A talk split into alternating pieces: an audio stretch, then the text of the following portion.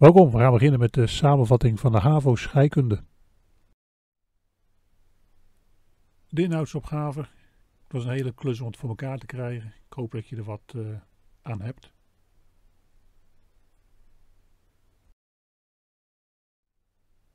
We beginnen met de atoombouw, moleculen, metalen en zouten. Atoom is opgebouwd uit een kern met elektronen daaromheen die kern is opgebouwd uit protonen en neutronen. De massa van een proton is 1 u, de massa van een neutron is 1 u en de massa van een elektron mag je verwaarlozen. Dat betekent dat de massa van een atoom dus gecentreerd is in de massa van de kern. Dan even kijken hoe dat uitpakt voor het uh, atoom lithium. Atoom lithium heeft atoomnummer 3 in het periodiek systeem. En we gaan uit hier van een massagetal van 7.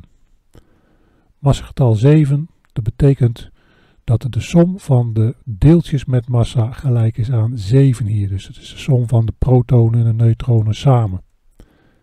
Lithium heeft atoomnummer 3. Dat betekent dat er 3 protonen in de kern zitten met een lading van 3+, want elk proton heeft een lading van 1+.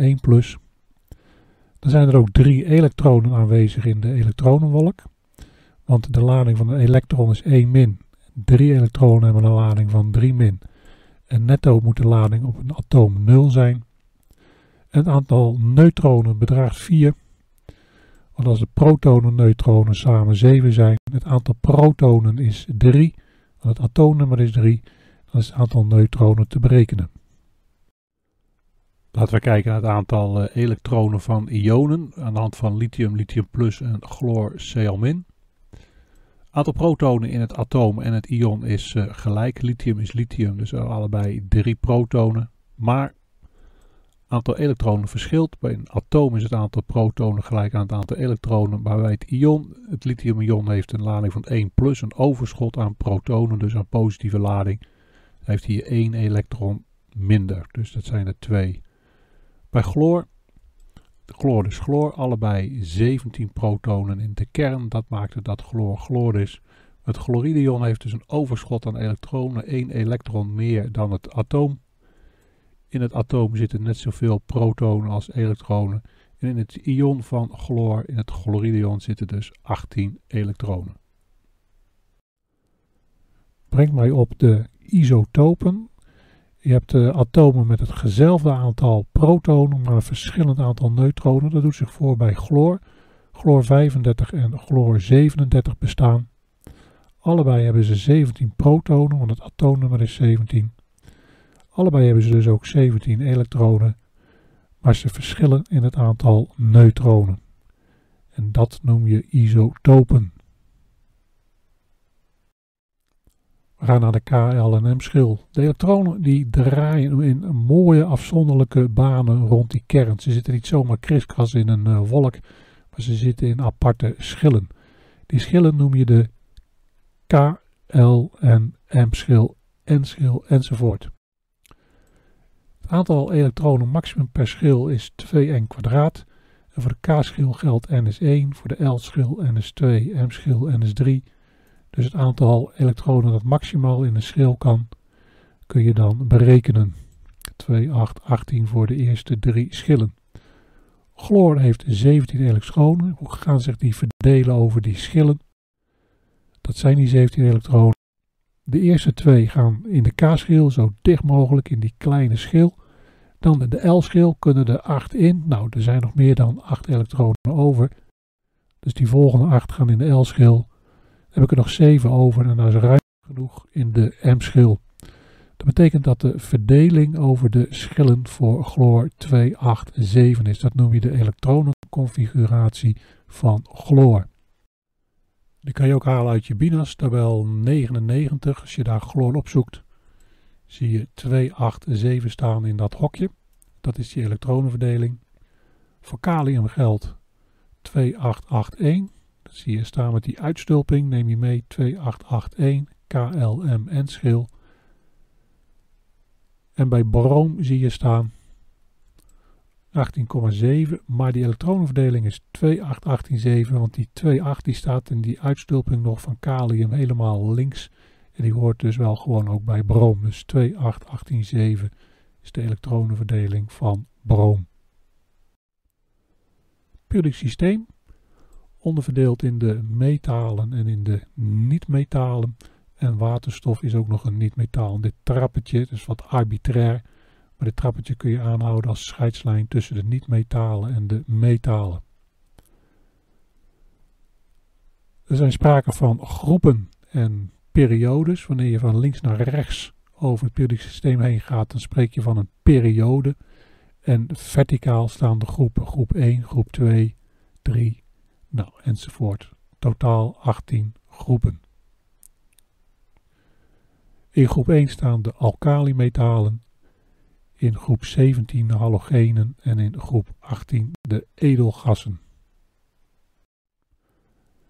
De deeltjes om ons heen zijn de moleculen, de metalen en de zouten.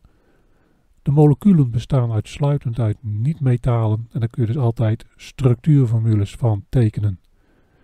Dus dit zijn voorbeelden van moleculen. Koolstof, waterstof, zuurstof zijn allemaal ook niet-metalen. Metalen zijn gewoon metalen. En zouten zijn opgebouwd uit een positief metalion en een negatief niet-metalion. Natriumchloride, calciumchloride zijn beroemde voorbeelden. En dan weet je van het calciumchloride nog, dat bestaat uit de ionen calcium en Cl-ionen, chloride-ionen. Nou, daar komen we later nog op, maar dit is typisch voor een zout. We gaan naar de enkele bijzonderheden van moleculen. De covalentie is het aantal bindingen dat een niet-metaalatoom kan aangaan. Dat haal je uit het periodiek systeem. Dit zijn de niet-metalen en waterstof. En de covalentie is makkelijk af te leiden. Want die van deze, de edelgassen, die niet kunnen binden, is de covalentie 0. Die gaan geen binding aan, die reageren ook niet. Fluorchloor, broom, jood, hè, de, de halogene covalentie van 1, 2, 3, 4, 3 en waterstof 1. Nou, ik heb een fantasiemolecuul hier getekend. En je ziet elke koolstofatoom gaat vier bindingen aan. Stikstof gaat er hier 3 aan. Covalentie is 3. Zwavel, covalentie van 2. Daar staat die covalentie van 2 enzovoort. Je ziet dat ik hier de haartjes niet getekend heb bij die C. Dit is een H en dat is eigenlijk nog een H. Dat hoeft niet. Bij een CH-binding mag je die H weglaten. Dit is een SH groep. Dat betekent dat je die H hier wel moet tekenen. Je mag alleen maar haakjes in structuurformules weglaten als hij aan zo'n C gekoppeld zit. Dus deze mag je weglaten. De atoombinding is een binding tussen atomen van niet-metalen. Bijvoorbeeld uh, binnen chloor. Er zitten twee elektronen, dat, zijn het, uh, of dat is het gemeenschappelijk elektronenpaar. En dat zit precies tussen het ene chlooratoom en het andere chlooratoom in. Maar die elektronenparen kunnen ook verschuiven. En als dat gebeurt spreek je van een polaire atoombinding.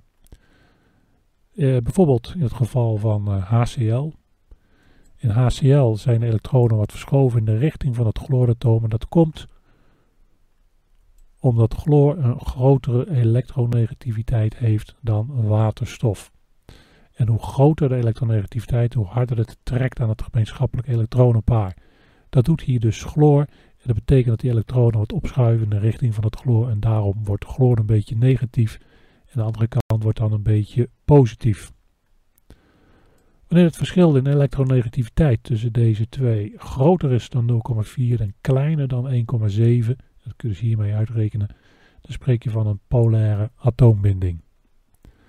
Is het verschil groter dan 1,7 kom je uit op een ionbinding en is het verschil kleiner dan 0,4 dan uh, dan negeren we die, dat verschuiven. Dan spreek je van een apolaire atoombinding.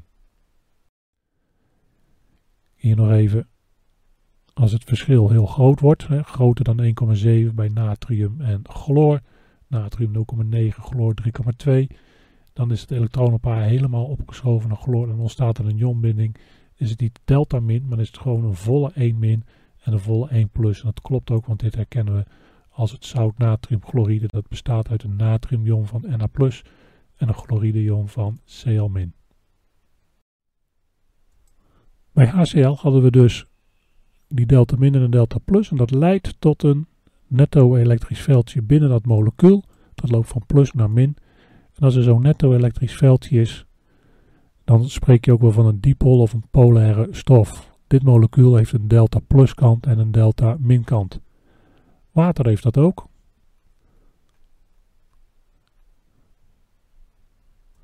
Met twee van die elektrisch veldjes tussen uh, de OH hier en de OH daar, leidt tot een netto elektrisch veld, want het zijn twee factoren, die mag je zo optellen.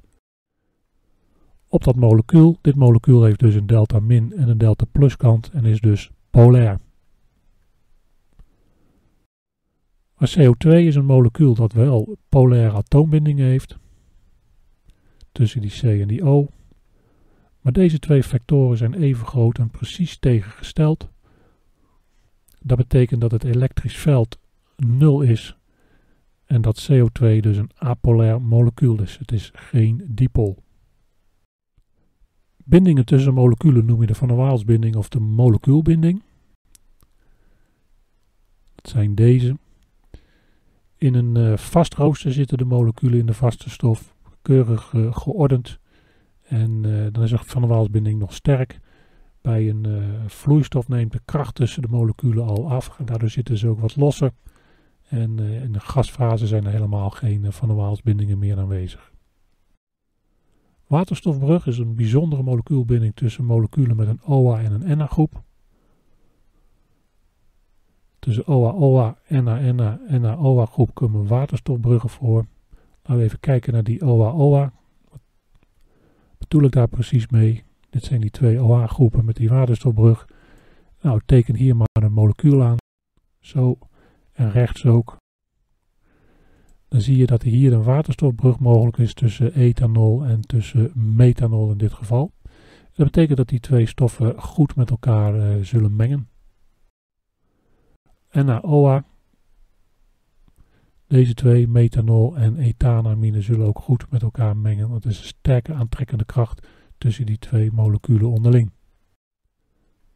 Je kan ook bij C-dubbelgebonden O en HO en uh, NH groepen waterstofbruggen krijgen.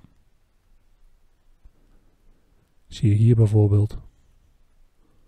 En daar zijn ook nog waterstofbruggen mogelijk. En daar en dat betekent dat dit molecuul dus ook uitstekend zal oplossen in water. Stoffen die goed oplossen in water noem je hydrofiel. Stoffen die niet goed oplossen in water noem je hydrofoob. Dipool-dipool interacties, ook een aantrekkende kracht tussen moleculen onderling. Moeten de moleculen wel een dipool zijn, bijvoorbeeld chloormethaan is een dipool. Die heeft een delta plus en een delta min kant. Bedenk dat chloor was enorm elektronegatief. Een van de meest elektronegatieve elementen ter wereld. Wordt hier een beetje min, dat wordt een beetje plus. En zijn partner hier ook chloormethaan. Heeft een delta min en delta plus kant. En dat betekent als deze twee in een eh, vaste rooster terecht zouden komen. Dan gaat die delta min zich richten naar deze delta plus kant. Die aantrekkende kracht tussen deze moleculen noem je ook wel de dipol-dipol interactie. We gaan naar de zouten toe. Zout bestaat uit een positief metaalion en een negatief metaalion. In je boek heb je een heel overzicht van uh, alle positieve en negatieve ionen die je moet uh, kennen. Ik heb hier een aantal weergegeven, daar en daar. Hier zie je bijvoorbeeld heel veel negatieve ionen die ook samengesteld zijn. Die bestaan uit meerdere atoomsoorten. Dat noem je een samengesteld ion. Dit noem je een enkelvoudig ion. Nou, deze lijst is ook niet volledig. Je moet echt maar even kijken uh, in je boek voor die volledige lijst. Met ionen kunnen we zoutformules opstellen. Bijvoorbeeld die van aluminiumchloride. Aluminiumchloride bestaat uit het aluminiumion en het chlorideon. Een zout moet altijd elektrisch neutraal zijn. Dus er zijn hier drie keer meer chlorideonen aanwezig dan aluminiumionen.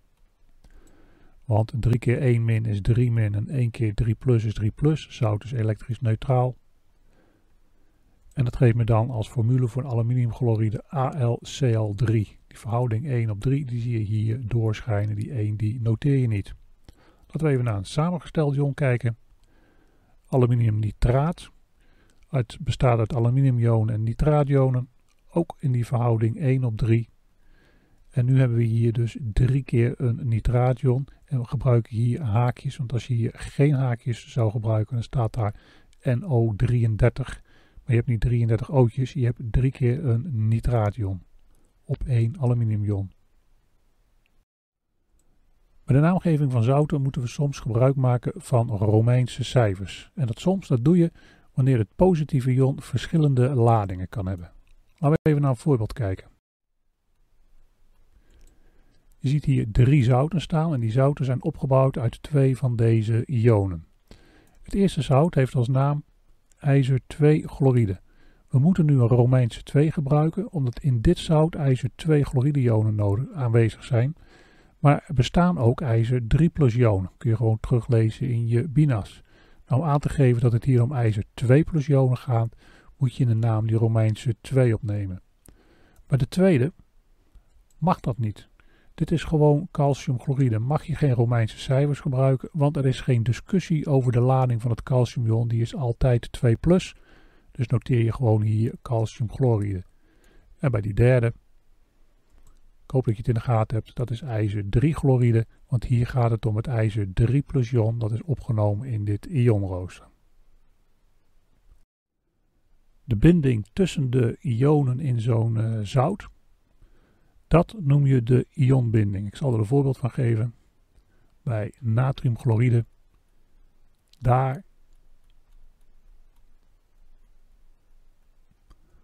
al die aantrekkende krachten tussen het negatieve niet-metaalion en het positieve metaalion, al die aantrekkende krachten tussen plus en min, dan, dat noem je de ionbinding.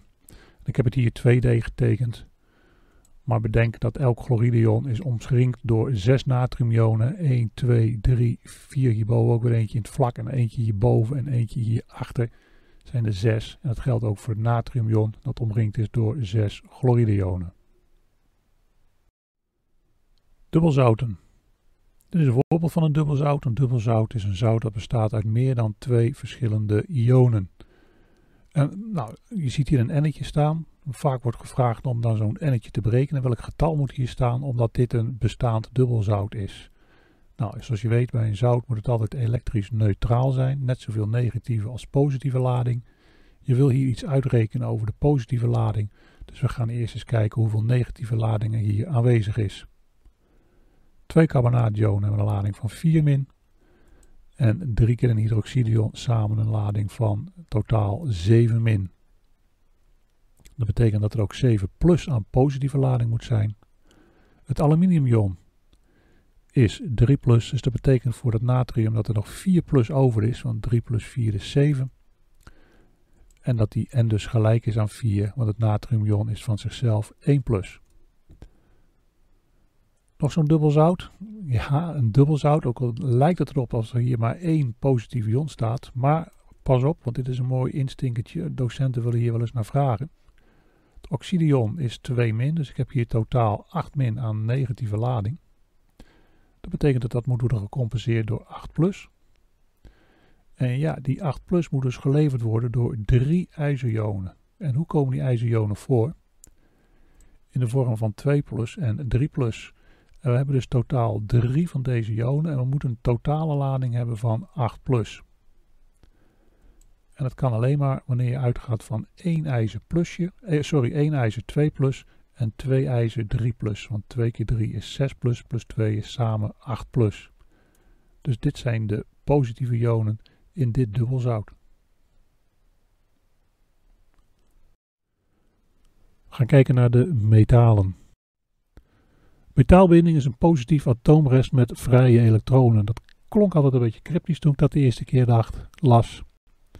Maar lithium, metaal, kun je je voorstellen als het atoomrest lithium met een elektron. De elektron zit wat los, dat, laat, dat gaat eigenlijk even uit bij een metaal en dan hou je nog lithium plus over. Nou, als zich dat herhaalt in een heel rooster, dan kom je al heel dicht in de buurt van een metaalrooster. Die elektronen zitten los, die zitten vrij, die gaan bewegen noem je zogenaamde vrije elektronen. En zo stellen wij ons een metaalrooster voor. Die vrije elektronen die bewegen tussen die positieve atoomresten.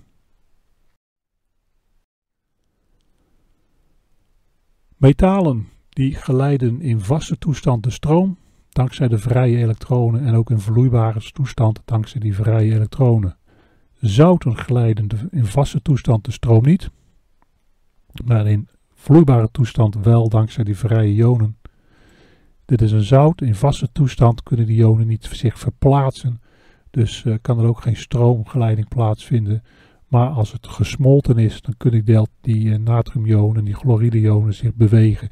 En dan is er wel sprake van stroomgeleiding. En moleculen, ach, moleculen zijn totaal ongeladen en zullen de stroom nooit leiden. Smelpunt, metalen doorgaans uh, hoog. Nou, uh, kwik is dan toevallig nog vloeibaar. Zouten ook doorgaans hoog. En moleculen relatief laag ten opzichte van de zouten en metalen. Maar het is maar een grove indeling hoor.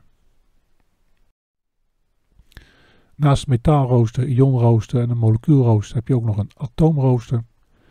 Bijvoorbeeld, uh, je kunt het even vinden van de diamantbinastabel 67EA.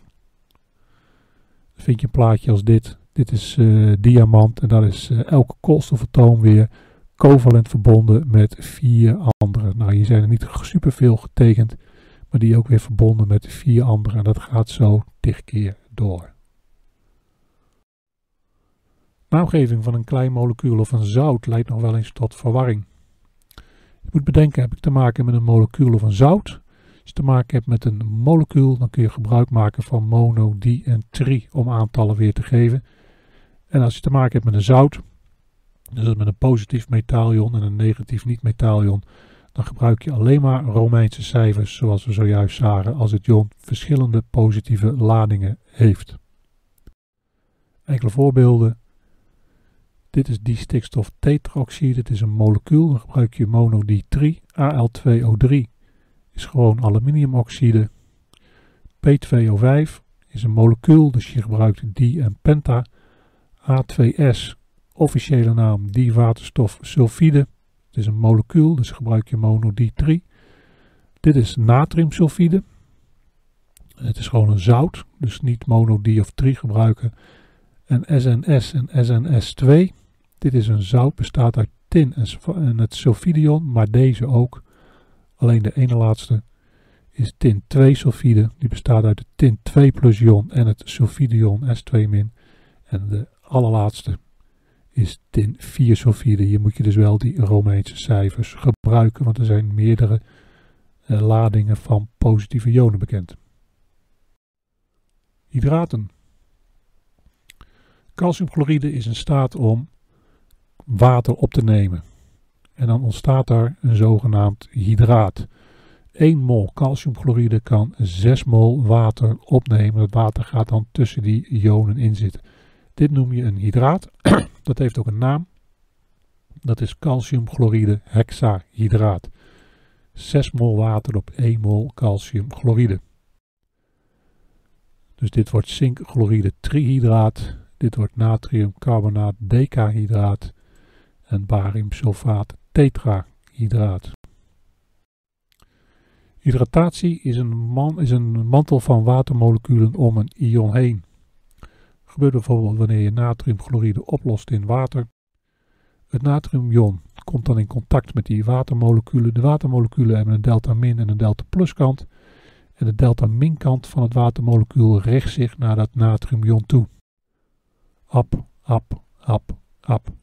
Op deze manier komt er een mantel van watermoleculen om dat natriumion heen. Dit noem je de dipol-ion-interactie. Chloride doet natuurlijk ook mee. Chloride-ion is negatief, dus dan gaat de positieve kant van het watermolecuul, die haartjes, richten zich dan naar het chloride-ion toe. En zo krijgt ook het chloride-ion een mantel van watermoleculen om zich heen. We gaan naar de reactievergelijkingen toe. We beginnen met het kloppen maken.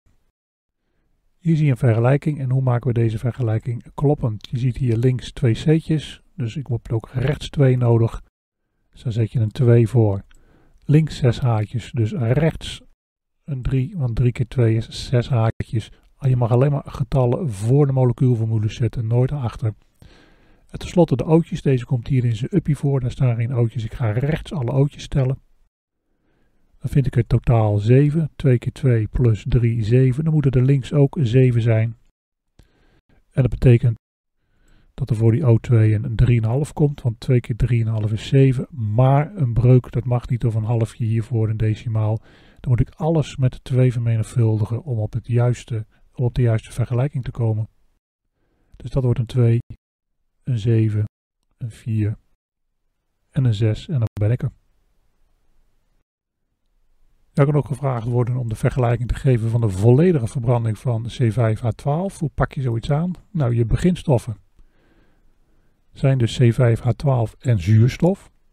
Want je bent bezig met een verbranding en de verbranding is een reactie met zuurstof en het is een volledige verbranding. Bij een volledige verbranding wordt een C omgezet in CO2 en een H in het molecuul wordt omgezet tot H2O.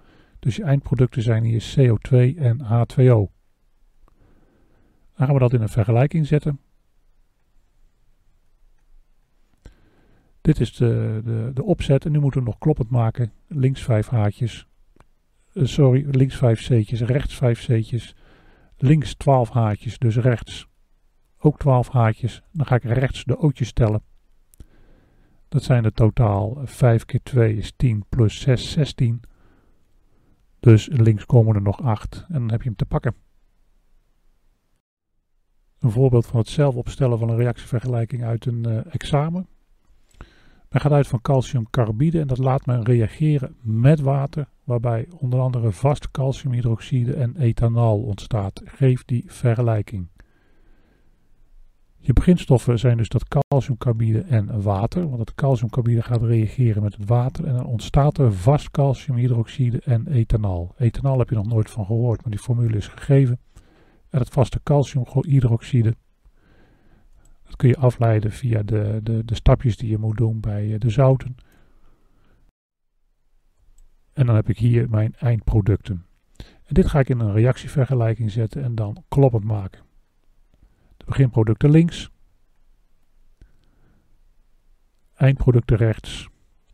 Links 1 calcium, rechts 1 calcium, dat klopt. Links 2 C'tjes, rechts 2 C'tjes, dat klopt. Maar ik zie hier 1 O'tje en hier staan er 2 keer 1 is uh, 2 O en daar eentje is 3. Dus dan moet daar een 3 voor. En hoe zit het nu met mijn haartjes? Hier heb ik totaal 6 haartjes en hier staan er 2 plus 4 heb ik er ook totaal 6, dus dan ben ik er.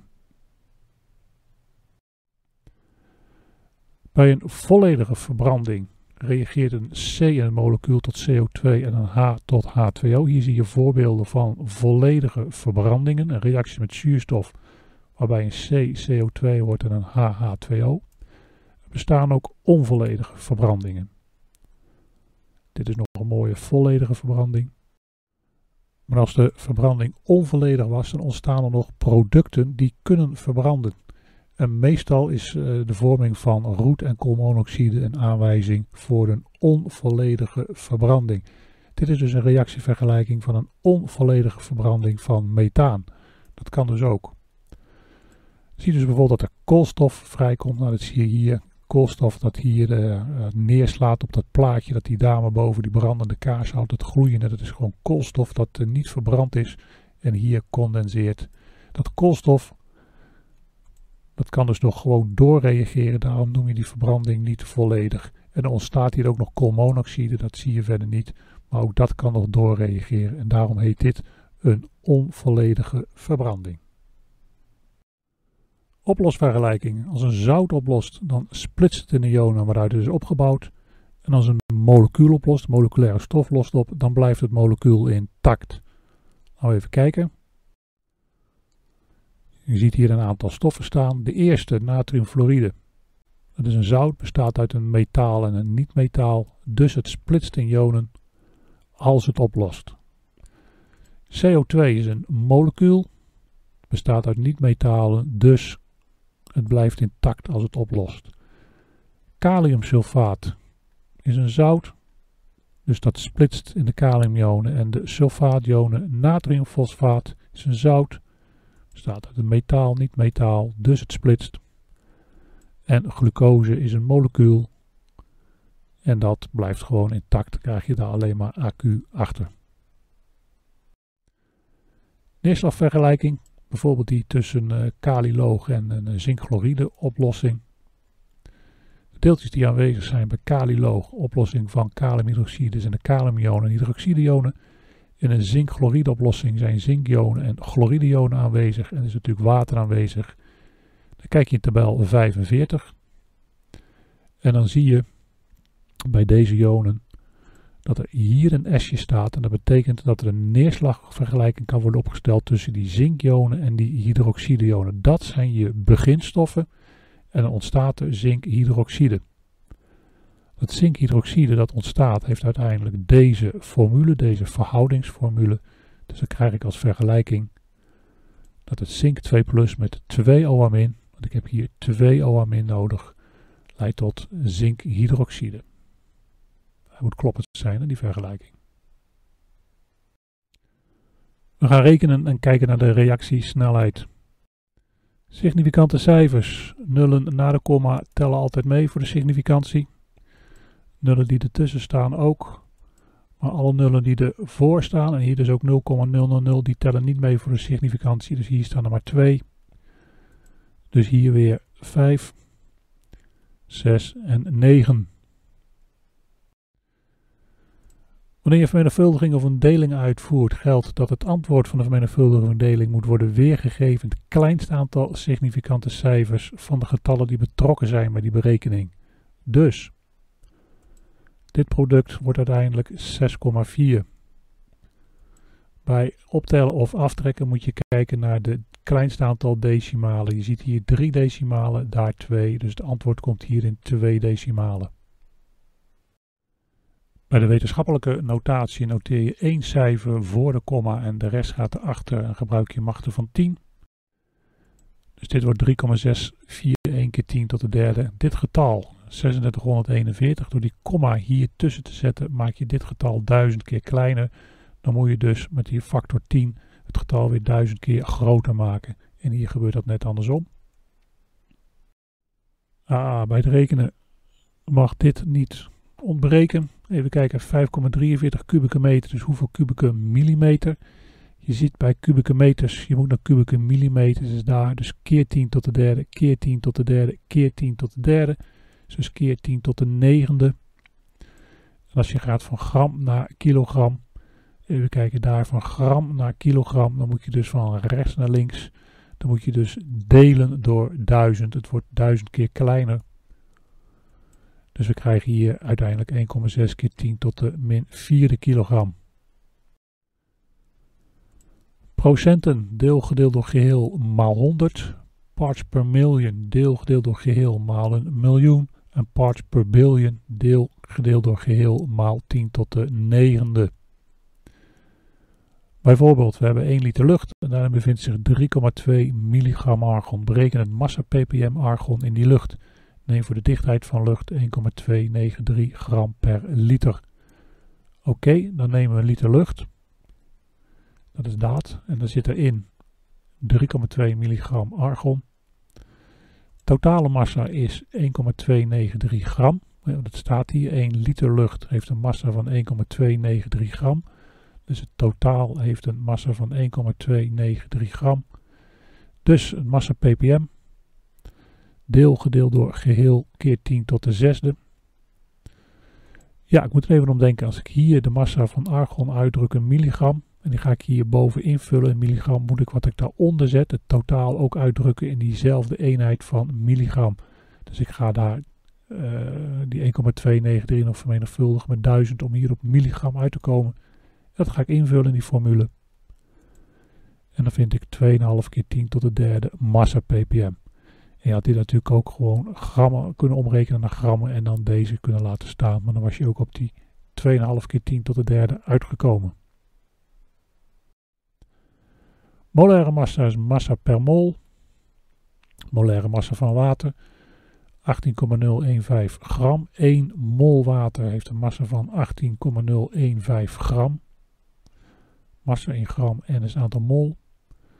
Dus als je 3 gram water hebt, hoeveel mol is dat? Kan je uitrekenen met de formule. Massa gedeeld door molaire massa 0,17 mol. De molariteit is de concentratie uitgedrukt in mol per liter. Dan gebruik je van die rechte haken.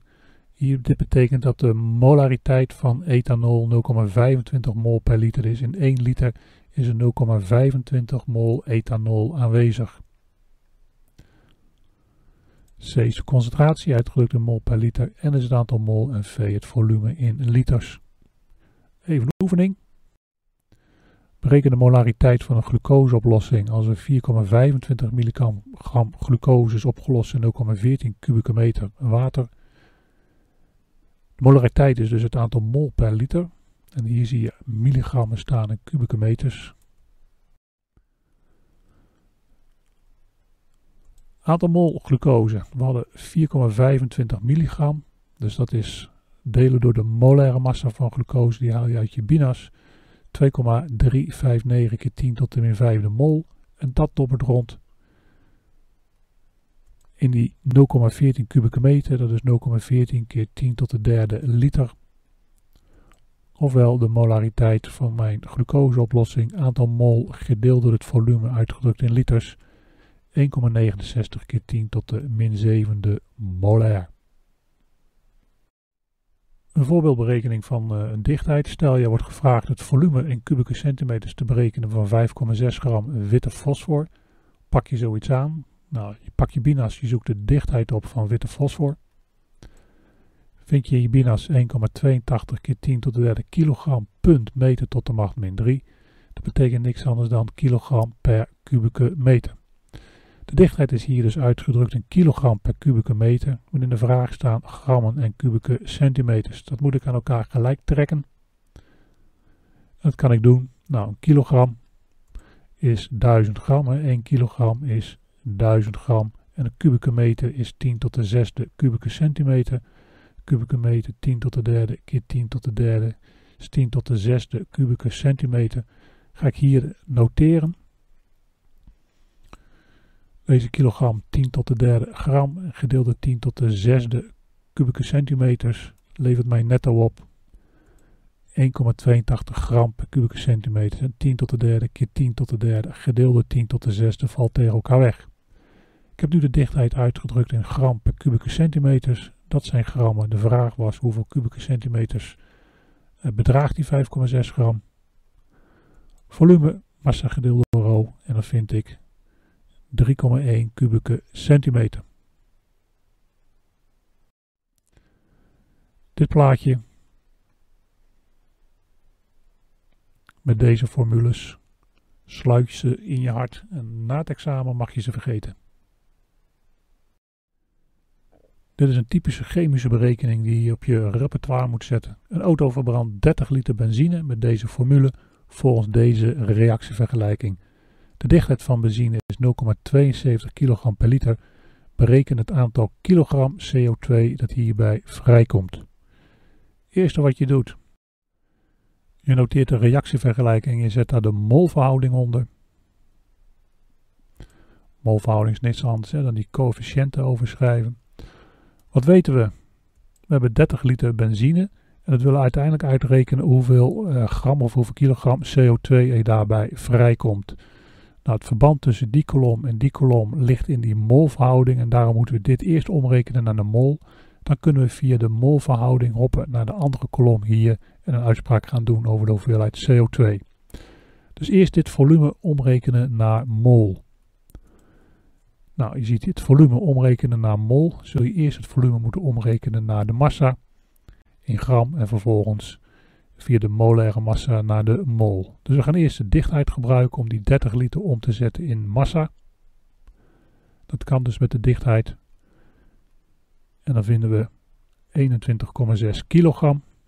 En vervolgens zullen we die massa, die we gaan uitdrukken in grammen, via de molaire massa, oh deze moet ik hebben, omrekenen naar de mol.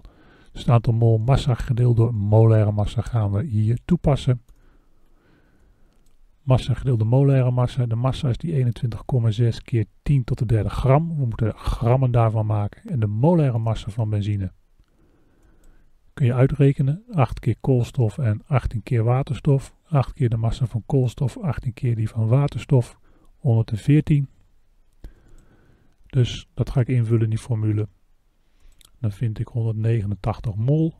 Molverhouding 2 op 16. Dus het aantal mol hier 1512, 1513 mol. Dat moet worden omgerekend weer naar grammen via de molaire massa. En dan vind ik uiteindelijk 66,6 kilogram. Twee significante cijfers, 67 dus. Bart bereidt een Quick 2 nitraatoplossing van 375 ml met een nitraatconcentratie van 0,15 molair. Bereken hoeveel gram Quick 2 nitraat je hiervoor moet oplossen. Oké, dat gaan we weer aanpakken met de vergelijking.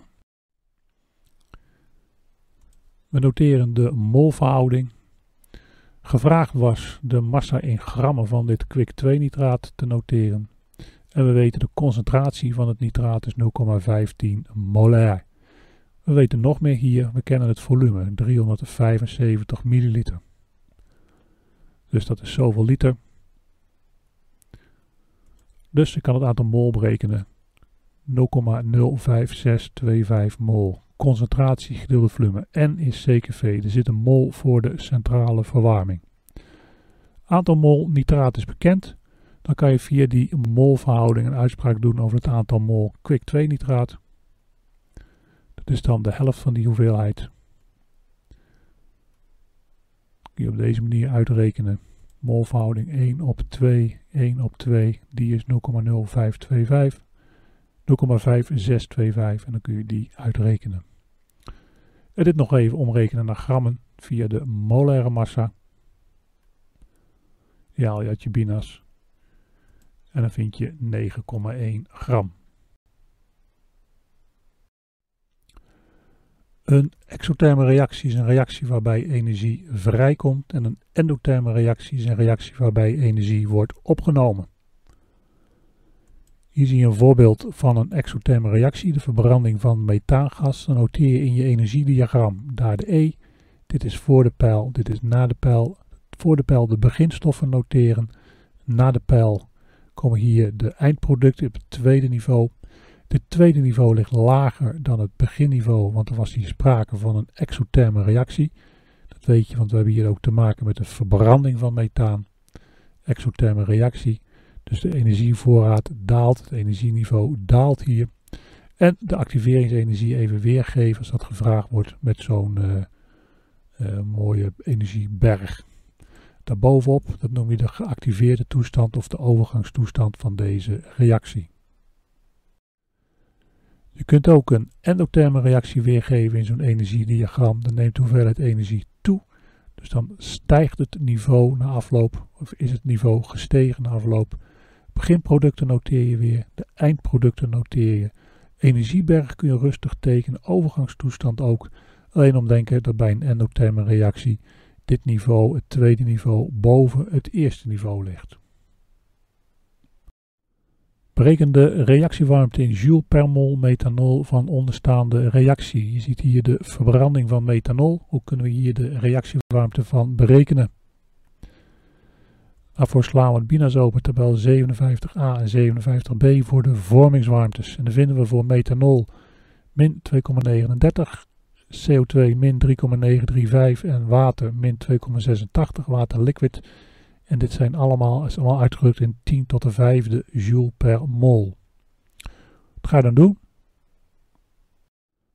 We gaan nu met het rekenwerk eh, beginnen. Daarvoor spelen die coëfficiënten een rol. Je ziet hier links van de pijl staan methanol en zuurstof. De waarde die je hier vindt uit je binas, daarvan klap je het teken om als ze aan de linkerkant van de pijl staan.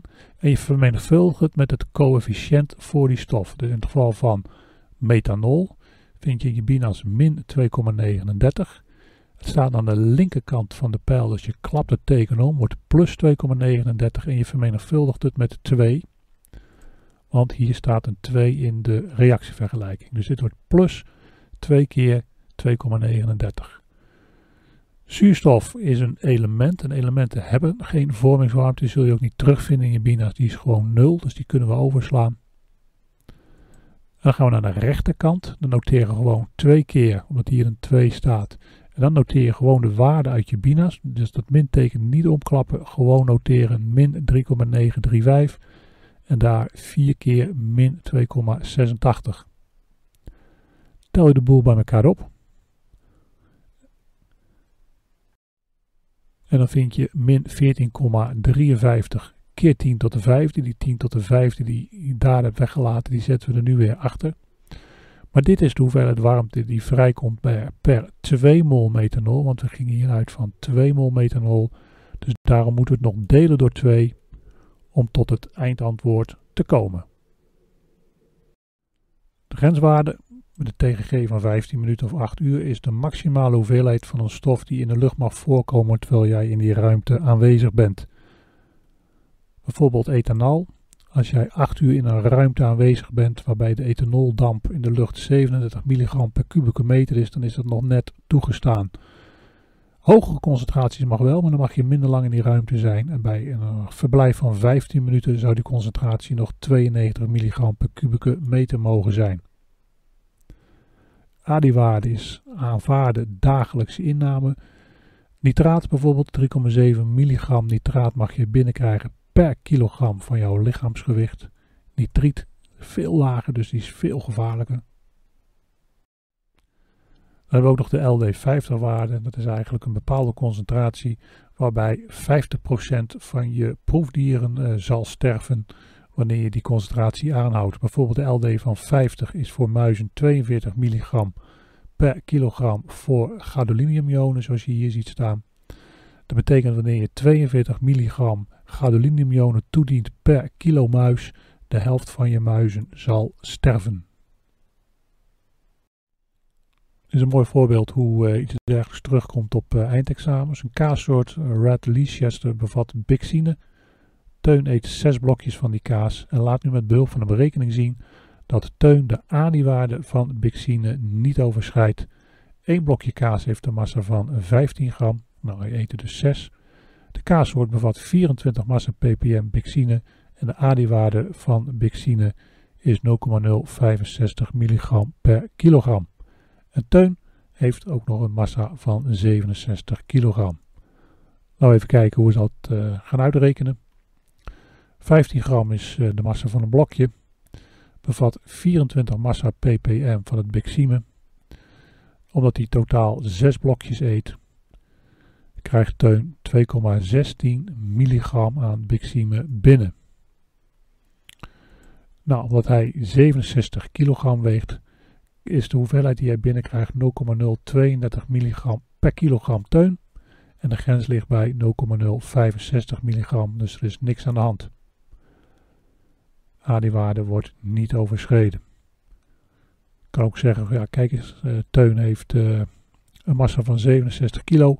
En dan mag hij 0,065 milligram per kilo binnenkrijgen. Dus hij mag totaal 4,4 milligram bixine binnenkrijgen. En dan krijgt hij maar 2,16 binnen. Zo kun je het ook uitrekenen.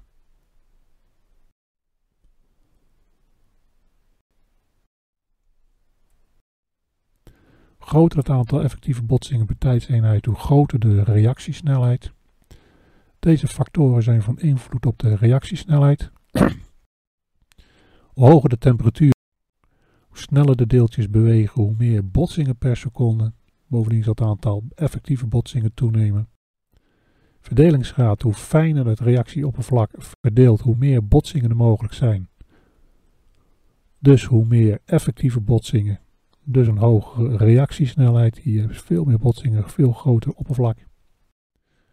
Concentratie, als de oplossing geconcentreerder is, is de trefkans op een botsing veel groter, dus ook een uh, hogere reactiesnelheid.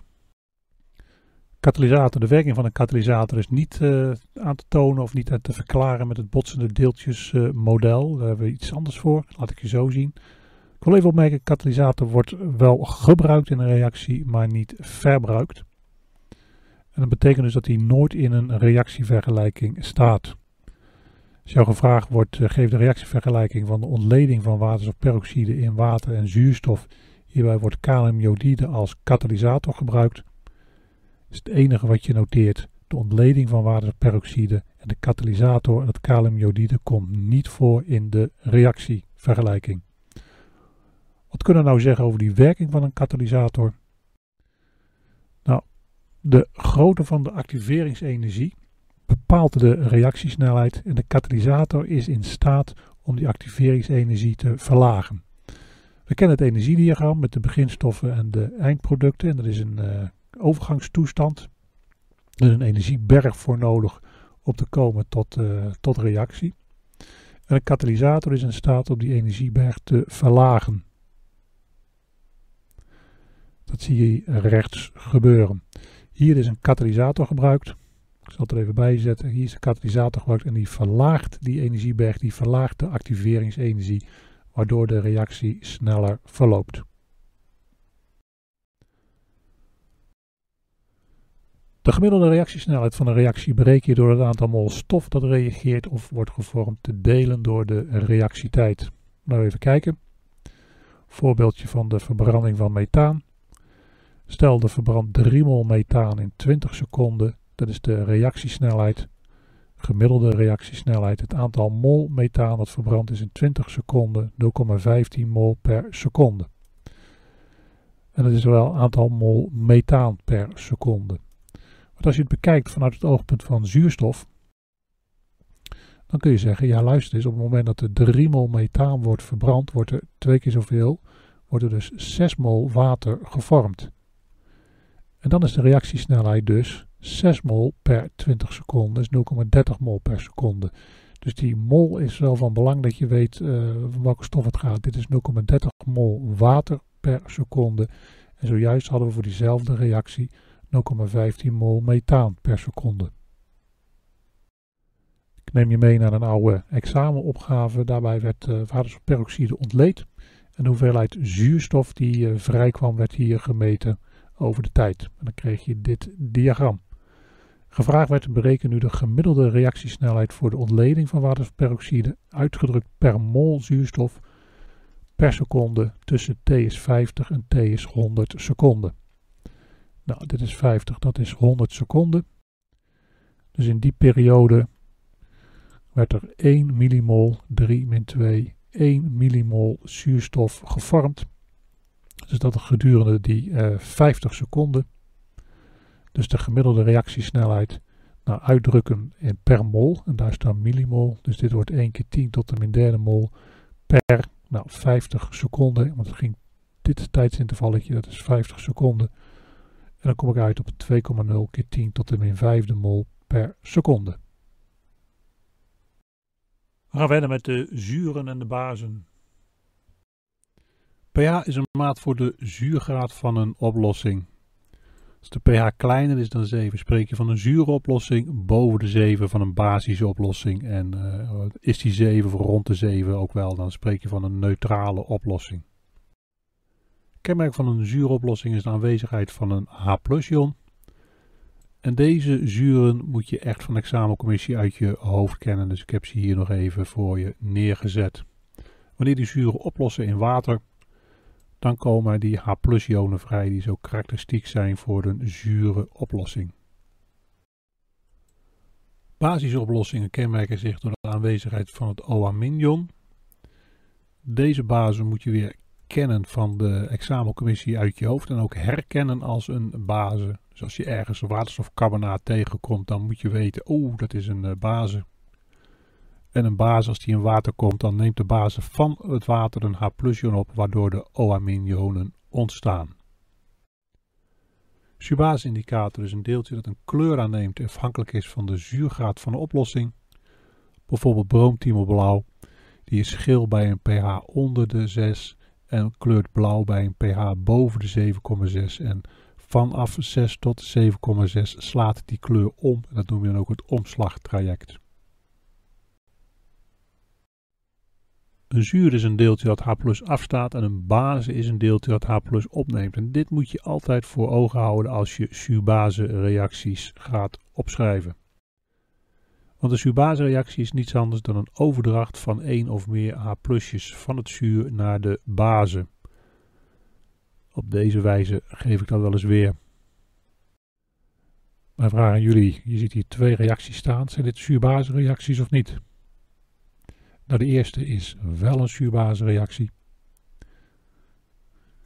Want als je kijkt hier naar het zinkoxide, hydroxide, dat bevat de base OH- en die OH- die neemt 2 H plusjes op. Hier zitten twee OH-ionen, die nemen 2 H plusjes op.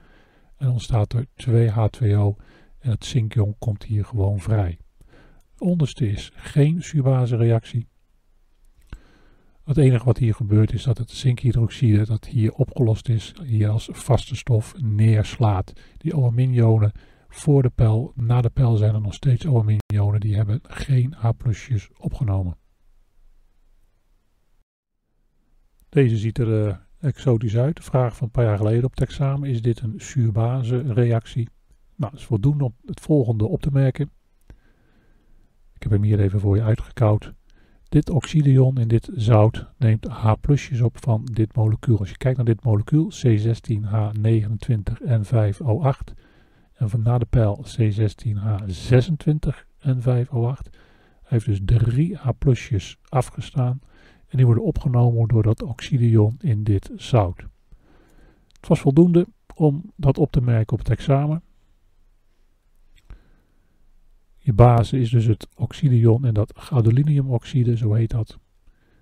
En dit was het zuur. Als je ook kijkt naar het uh, antwoordmodel, was voldoende om op te merken dat dit molecuul H afstaat. Wel H noemen, niet alleen een haakje, maar H Of je noemt het oxidion dat H opneemt. En ook even concluderen dat het een zuurbase reactie is. Dit zijn de formules waar je tegenaan loopt als je gaat uh, rekenen met uh, zure en basische oplossingen. Dit is het zure gedeelte. POH gebruik je voor basische oplossingen, de OH min. En het verband tussen de pH en de POH is dat de som daarvan gelijk is aan 14. Als de eh, concentratie H plus 1,2 keer 10 tot de min 4 mol per liter is, hoe breek je dan de pH? Nou, dan pak je die formule je vult die 1,2 keer 10 tot de min 4 in en je vindt 3,92. Twee significante cijfers, want dit is een pH en bij een pH kijk je voor de significantie alleen naar de decimalen. Je kunt ook terugrekenen. Als de pH 3,21 is, pak je die formule, je vult hem in en dit zijn twee decimalen, dit zijn twee significante cijfers. Dus daar krijg ik ook twee significante cijfers. En voor OAMIN nog even wat voorbeelden. En dan wordt dat 10 tot de macht. Deze formule geeft het verband tussen de pH en de POH. En die heb je nodig wanneer je de concentratie van OAMIN wil berekenen van een natronloog. Natronloog is een basische oplossing en pH dat zou iets van een zuurgraad zijn, maar je kunt toch hier die concentratie OH- uitrekenen. Want pH plus POH is 14, die pH is 9,36, dus dan ken je de POH, die is 4,64. En dan reken je de concentratie OH- uit. Een opgave als deze moet je kunnen dromen als je naar het examen gaat. Zet hem op je repertoire, want je hebt ongelooflijk veel plezier van als je dit beheerst. Reine los 3,34 gram bariumhydroxide op in 742 milliliter water. Bereken de pH van de oplossing. En ik denk dat ze op het examen ook wel de oplosvergelijking geven. Ik geef hem jou in ieder geval vandaag. Hoe los je dit op? Je maakt uh, kolommen onder de reactievergelijking. Je noteert de molverhouding en de hoeveelheid stof. 3,34 gram bariumhydroxide.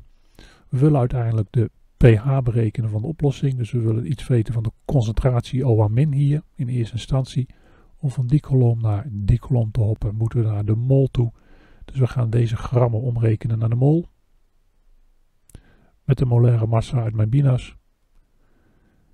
Massa gedeeld door molaire massa aantal mol.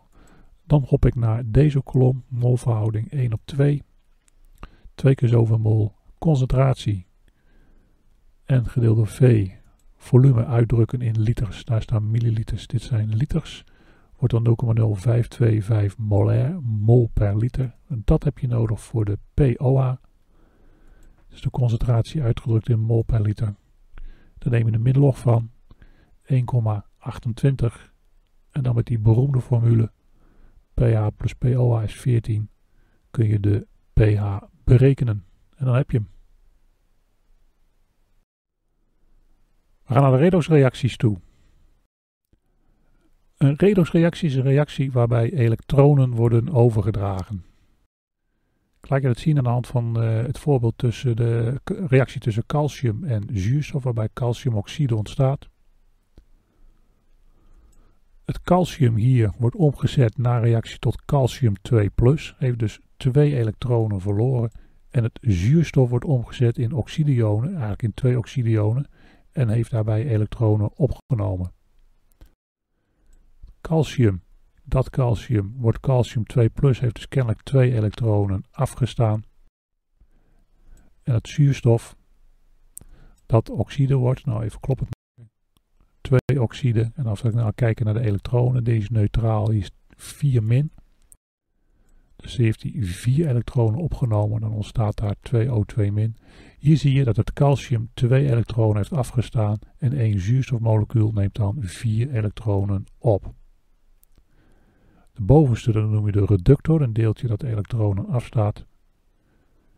En dit is de halfreactie van de reductor. En de onderste is de oxidator, die neemt elektronen op. Denk aan de O en opnemen, hij neemt elektronen op. En trouwens, oxidator, oxygen, zuurstof, oxygen, oxidator. Zuurstof is de beroemdste oxidator die we hebben. En dat is de halfreactie, dus de onderste van een oxidator. De reductor is dus een deeltje dat elektronen afstaat. Oxidator neemt elektronen op en het geheel noem je een redoxreactie.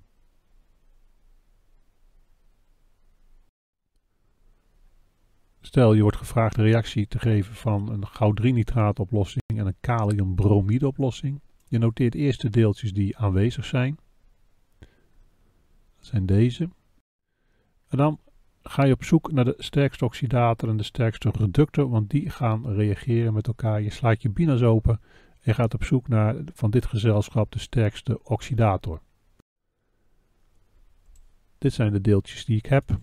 En ik begin bovenaan met zoeken en dan ga ik naar beneden. En dan stuit ik hier al op het goud 3 plus ion. Dat is mijn sterkste oxidator van dit gezelschap. Ga ik dat hier noteren. Deze heb ik nodig. Dan ga ik op zoek naar de sterkste reductor. Begin ik hier bij lithium onderaan. En dan stuit ik hier op kalium. Maar in mijn inventarisatie staat kalium plus. Dat is geen kalium. Dat is kalium plus voor mijn inventarisatie. Maar ik zoek de sterkste reductor. Dus ik moet deze lijst hebben. Dan ga ik omhoog tot ik wel stuit op een van deze deeltjes. Dan vind ik die daar past. Dat is het bromidium. Dus het bromidium is mijn sterkste reductor. Reageren ze ook met elkaar?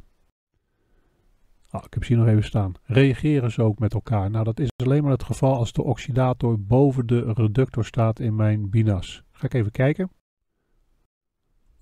Daar staat mijn oxidator goud 3+, daar staat mijn reductor. Nou, eh, goud 3+, staat boven de reductor Ba-, dus het treedt een reactie op. Had hij eronder gestaan, dan was er geen reactie opgetreden. Ik heb hier als voorbeeld Quick 1 reageert dus niet met het bromide, maar wel met het goud 3+. Dus er treedt hier een reactie op.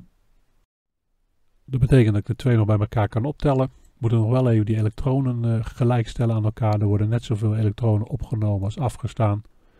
Dus dan gebruik ik deze verhouding voor die 3 en die 2. Kan ik dan even omdraaien. En als ik deze vermenigvuldig, de bovenste met 2 vermenigvuldigt en de onderste met 3. Kom ik op mijn netto vergelijking uit. En ik hoef hem nu niet op te schonen. Elektrochemische cel is eigenlijk een uh, batterij in dit geval van een koperen staaf in een kopersulfaatoplossing, een zinkenstaaf in een zinknitraatoplossing. De sterkste oxidator reageert met de sterkste reductor. En dat geef ik je nu, dat is zink, staat de elektronen af aan het koper 2 Hoe werkt dan zo'n cel? Nou, een zinkatoom dat hier bijvoorbeeld zit, gaat een oplossing, wordt zink 2 en die twee elektronen, die verhuizen, daar gaan ze naar de andere kant en worden hier opgenomen door het koper 2 Dat koper 2 zegt hap met die elektronen en er wordt vast koper gevormd. de plek hier waar de elektronen de cel verlaten, dat is de negatieve pool. Dus eigenlijk is dit een batterij.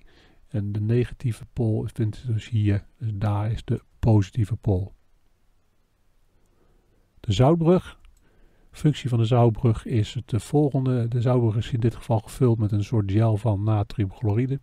Je ziet dat hier zinkionen in oplossing gaan. Dan zou de oplossing hier positief worden. Dat kan niet. Dus dan moeten uit die zoutbrug nog negatieve chlorideionen stromen om de oplossing hier elektrisch neutraal te houden. En dat gebeurt aan de andere kant ook.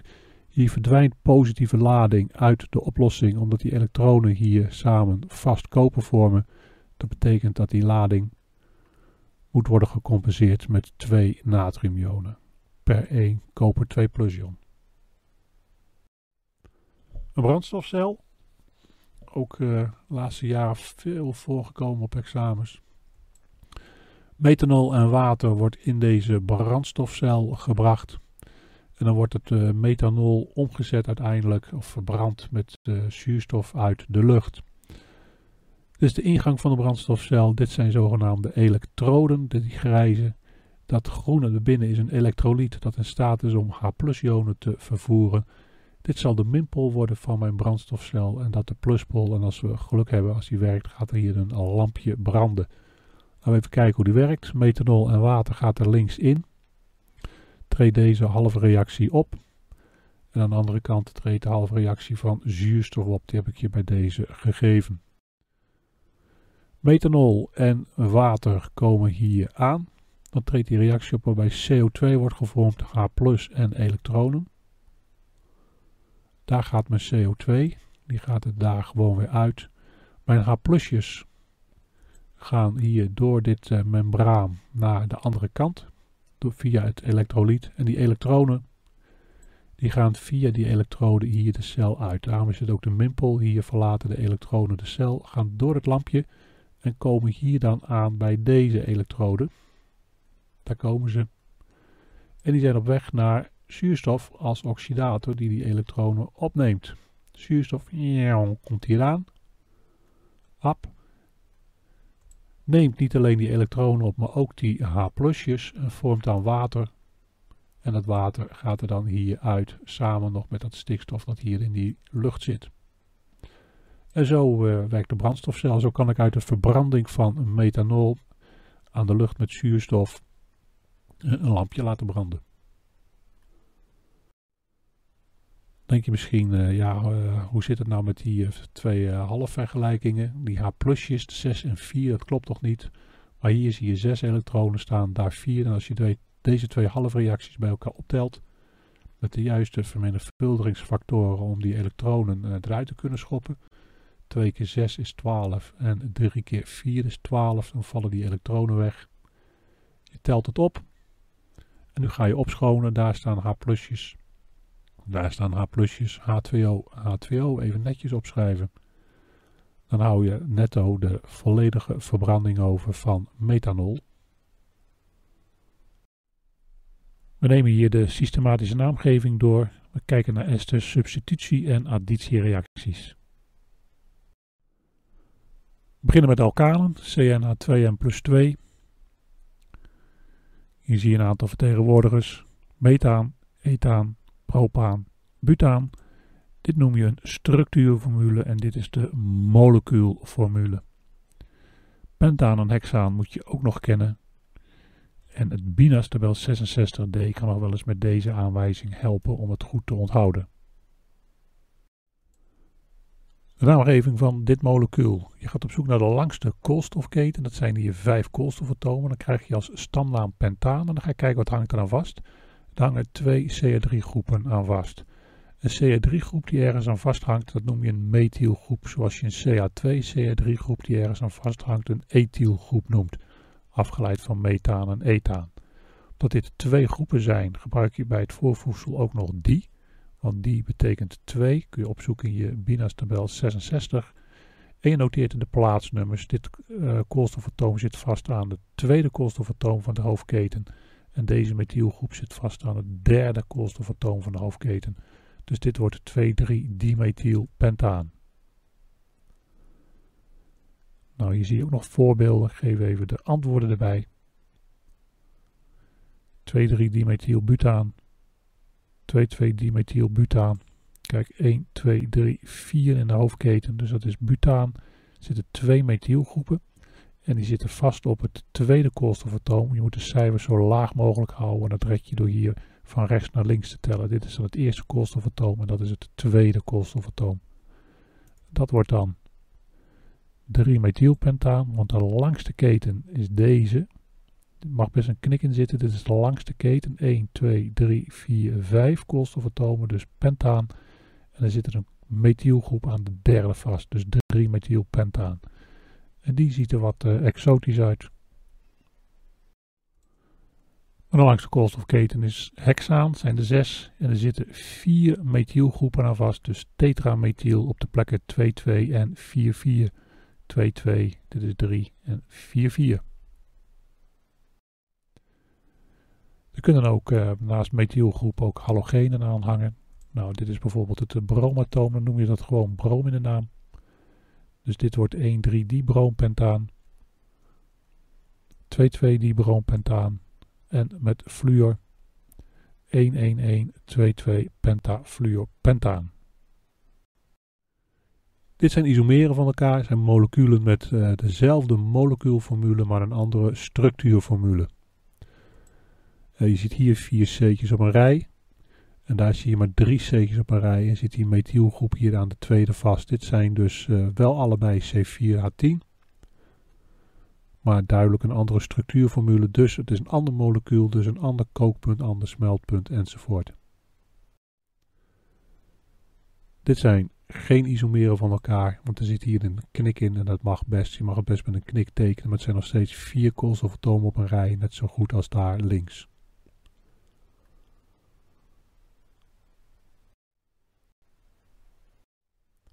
Alkenen. Etheen, propeen, alkenen hebben zo'n dubbele CC-binding in het molecuul. En vanaf uh, vier koolstofatomen moeten we ook de plaats aangeven van die dubbele binding. Dit is hier de eerste mogelijkheid, dus krijgen we but 1,1 en zit hij daarnaast. Dan wordt het but 2,1. Carbonzuren krijgt als achtervoegsel zuur. Je ziet dat hier twee koolstofatomen in de hoofdketen zitten. Die zuurgroep is opgenomen in de hoofdketen. Dit is dus ethaanzuur. En hier met één C'tje wordt dat methaanzuur. En dat wordt dus propaanzuur. En daar rechts propaandizuur. Alkanen en de alkanolen wat zijn nou alkanolen? Nou, dan zit er in de plaats van een haakje zit er een OH-groep. Dan krijg je als achtervoegsel ol. Voorvoegsel is hydroxy, dat noem je ook een hydroxygroep. Dus dit is methanol. En zo hebben we hier ethanol, waar je dronken van wordt. Propanol, maar dan moeten we om denken. Dit zou dan ook propanol noemen, dat we de plaats aangeven van de OH-groep. Dus dit wordt propaan 1-ol. En dat wordt propaan 2-ol. Alcoholen. Hoor je ook wel. Dat is gewoon een verzamelnaam van moleculen met één of meer OH-groepen. En een alkanol is echt als je voldoet aan deze formule. Dit is dus zowel een alkanol als een alcohol. En die kennen we al. Butaan 2-ol. Als je meerdere OH-groepen hebt, dan spreek je niet meer van een alkanol, maar van een alcohol. Je zou hier ook alkaandiol kunnen noemen trouwens. En dit is hexaan 1,4 diol. Uitgang diol, die is 2, 2 OH groepen. En is een hele beroemde glycerol. Kun je ook terugvinden in je binas. Even omdenken. Uh, hier lijken alle drie mogelijkheden uh, te staan voor uh, propaan 1-ol, maar dit is alleen de enige juist getekende want hier zit het streepje halverwege de OH-groep en daar is zelfs gekoppeld aan die H. Dat uh, moet je absoluut niet doen. Dat kost je een punt doodzonde, want je weet best dat die O aan die C zit en die O aan deze H vastzit.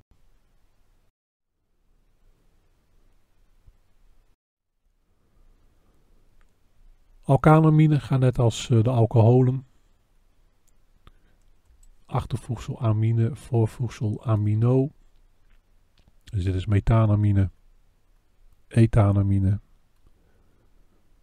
En vanaf 3 moet je weer een plaatsaanduiding gebruiken. Nou, lijkt me wel duidelijk nu.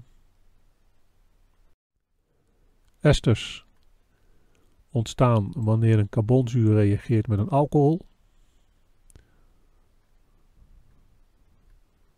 Onder afsplitsing van water.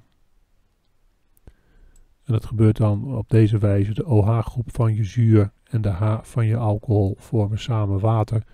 En dit koolstofatoom wordt met een atoombinding gekoppeld aan dat O-atoom. En dan ontstaat daar je ester. Amides wordt op soortgelijke wijze gevormd uit een carbonzuur en een uh, amine.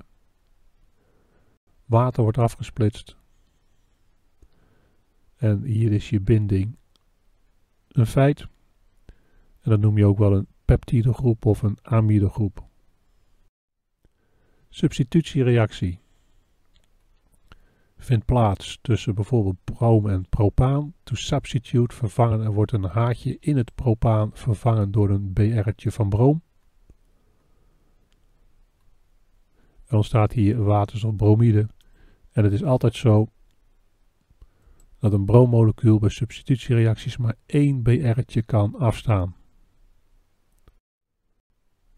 Het is gewoon een uitruil eigenlijk. Wil je toch twee haakjes vervangen in een molecuul voor twee BR'tjes, dan heb je twee broommoleculen nodig en ontstaan er twee keer uh, HBr als eindproduct ook, als, als bijproduct. Want een broommolecuul kan alleen maar één BR'tje afstaan per keer. Additiereacties vinden plaats bij dubbele bindingen. Nou, weer bijvoorbeeld met broom, dubbele binding klapt open. Dat broom wordt eraan gekoppeld. En zo ontstaat daar je 1,2 die broom ethaan. Additiereacties kunnen ook optreden met uh, water. Nou, in het geval van BUT 1,1 met uh, water zijn er twee eindproducten mogelijk. Deze OH-groep van water kan gekoppeld worden aan deze.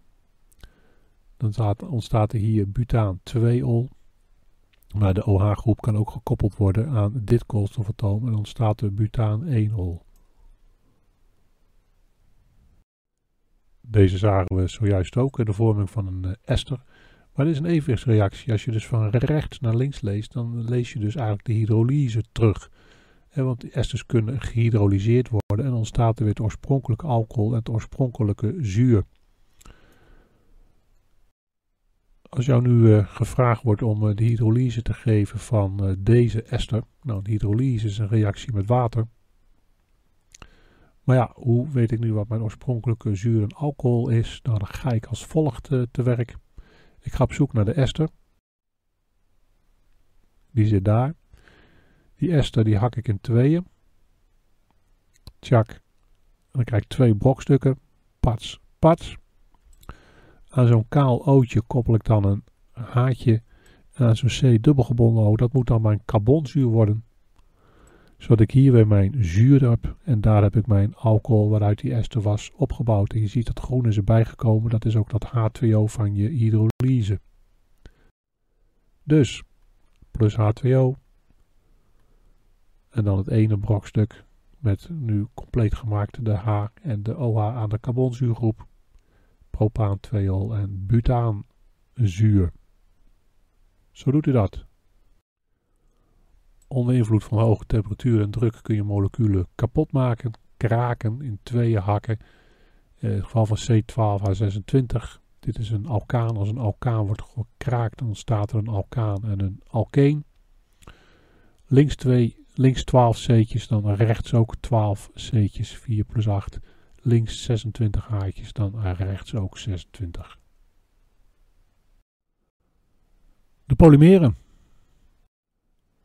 Wanneer jou gevraagd wordt om uh, polypent 2.1 te tekenen, ga je als volgt uh, te werk. Je leidt de structuurformule van pent 2.1 af en je tekent hem ietsje anders. Op deze wijze. Vervolgens zet je de drie naast elkaar. Je klapt die dubbele binding open.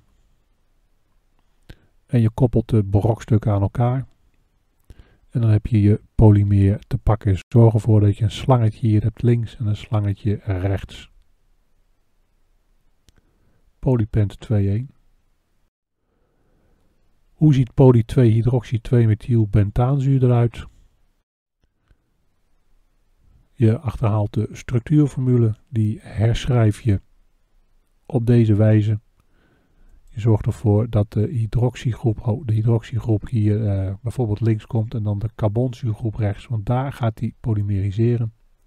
Je zet er weer drie op een rij. Je koppelt ze. In dit geval is het een verestering. Dus er wordt er water afgesplitst, dan worden de esters gevormd. Uh, de OH van je carbonzuur gaat eraan, dus die moet je daar ook meenemen. De OH van je carbonzuur en dan aan je linkerkant het haartje alleen van de alcoholgroep. En dan trek je de lijntjes hier weer een slangetje met een O'tje. En daar dan een slangetje met die C dubbelgebonden O. Eigenlijk een halve ester. Dit is een halve estergroep en die ook. En dit is een hele estergroep die je gevormd hebt en daar ook. Soms moet je ook uh, monomer herkennen in een polymeer. Moet je afvragen, is het een additiepolymeer? Dan zijn er alleen maar koolstofatomen in de hoofdketen. Bijvoorbeeld hier. En is het een condensatiepolymeer. Dan zijn er dus van die estergroepen of amidegroepen in die hoofdketen aanwezig. Dan zie je hier een voorbeeld van. Niet alleen maar C'tjes, maar er zit er zo'n C-dubbelgebonden O bijvoorbeeld in. Nou, hoe herken ik uh, dit monomeer? Je ziet allemaal C'tjes, addities, dan hak je ze in brokstukjes van 2. Je trekt die monomeren er eigenlijk bijna al uit. Het zijn nog geen monomeren, maar die ga je nu maken. En dit brokstukje is gewoon die. En dan maak je er een dubbele binding van. En dan heb je je monomeer te pakken. Hoe doe je dat bij uh, die esters, polyesters of polyamides? Eigenlijk op de soortgelijke wijze. Je zoekt de estergroepen op Die zitten daar. Dan heb je ze. Dan snij je die estergroepen in tweeën. Tjak, tjak. Dan krijg je van die brokstukken. Die trek je er even uit. En vervolgens aan zo'n C dubbelgebonden O, dan maak je weer een carbonzuur van. En aan zo'n kaal O'tje, dan maak je een alcoholgroep van. Want je moet weer netto op water uitkomen. Dat groene, dat is dus het water dat afgesplitst is tijdens de polymerisatie. En dat gebeurt daar. En daar ook. De meeste polymeren zijn thermoplasten. Die hebben een uh, kop en een staart. Dat is een zogenaamd uh, sliertje. Spaghetti model, grootte van de waalsbinding, hoog smelpunt.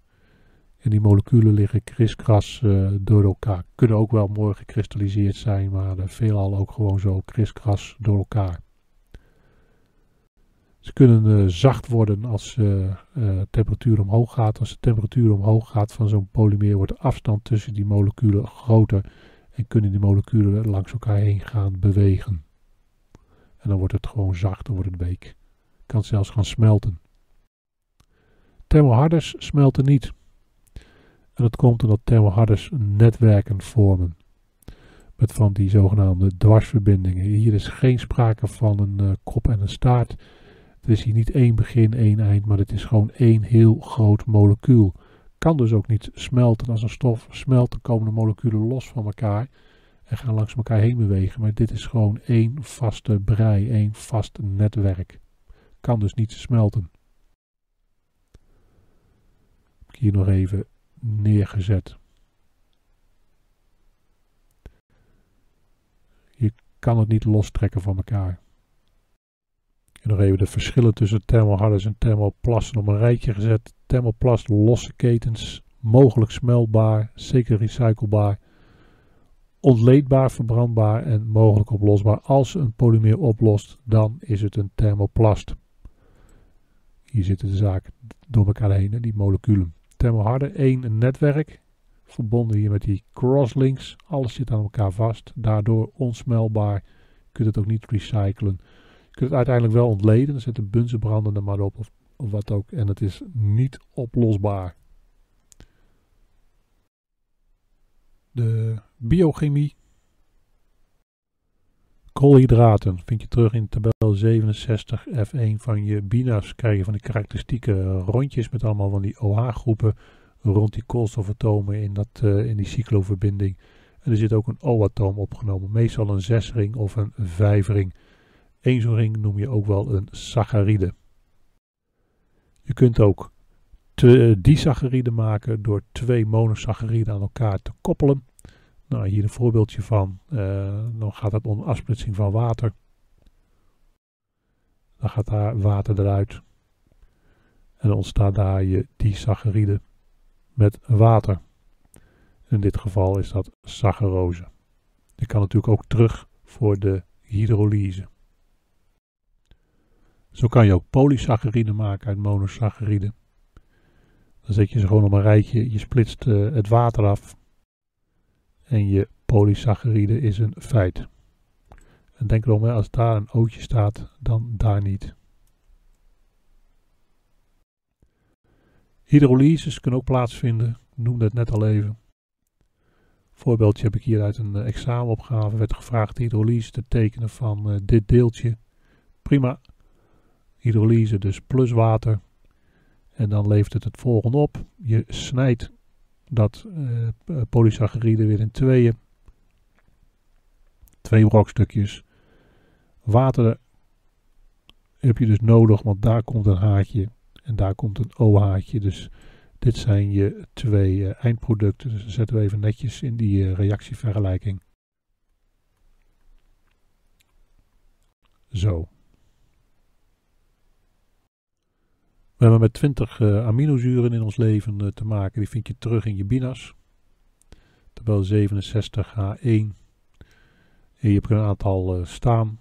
Serine, fenylalanine en treonine. Dit gedeelte is voor elk aminozuur gelijk. Alleen die restgroep aan dat middelste koolstofatoom, zeg maar, dat verandert steeds. SER is de drie symbool voor serine, V is de drie symbool voor fenylalanine enzovoort. Kan worden gevraagd een tripeptide te tekenen van SER, V en eh, THR. Nou, zet je ze weer op een rij. Je splitst water af. Het gaat hier om een tripeptide, niet om het polymeer. Dus die en die gaat zich uh, water afsplitsen. Krijg je een peptidebinding. Dit is hem, dit is je uh, tripeptide die gevraagd werd. Met ja, de peptidebinding. Je kunt ook weer hydrolyseren, dan tjak, dan snij je hem in twee en dan krijg je een brokstukje, dan krijg je hier je carbonzuur terug en daar je aminogroep. Dus daar is mijn carbonzuur en daar is mijn aminogroep terug. Nou, je kan het ook natuurlijk weer zo doen.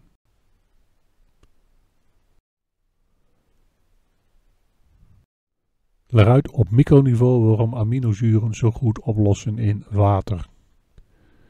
Nou, dit is zo'n uh, aminozuur, ik heb het eenvoudigst genomen. Hier zie je een carbonzuurgroep, daar de aminogroep. En hier zie je een OH-groep van de carbonzuurgroep en daar zie je een NH-groep van een aminogroep. Als je het uitspreekt of als het uitlegt op microniveau, dan moet je het hebben over uh, details, over atoomgroepen van moleculen. Laat even zien waarom het goed oplost. Natuurlijk dankzij die waterstofbruggen.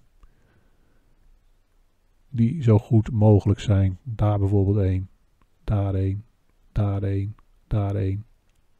Maar ook tussen zo'n C-dubbelgebonden O. En dan zeg je de OH-groepen van een watermolecuul kunnen waterstofbruggen vormen met de OH-groepen en de NH-groepen van een am aminozuurmolecuul. En zo leg je het uit op microniveau. Steeds moleculen noemen, moleculen noemen.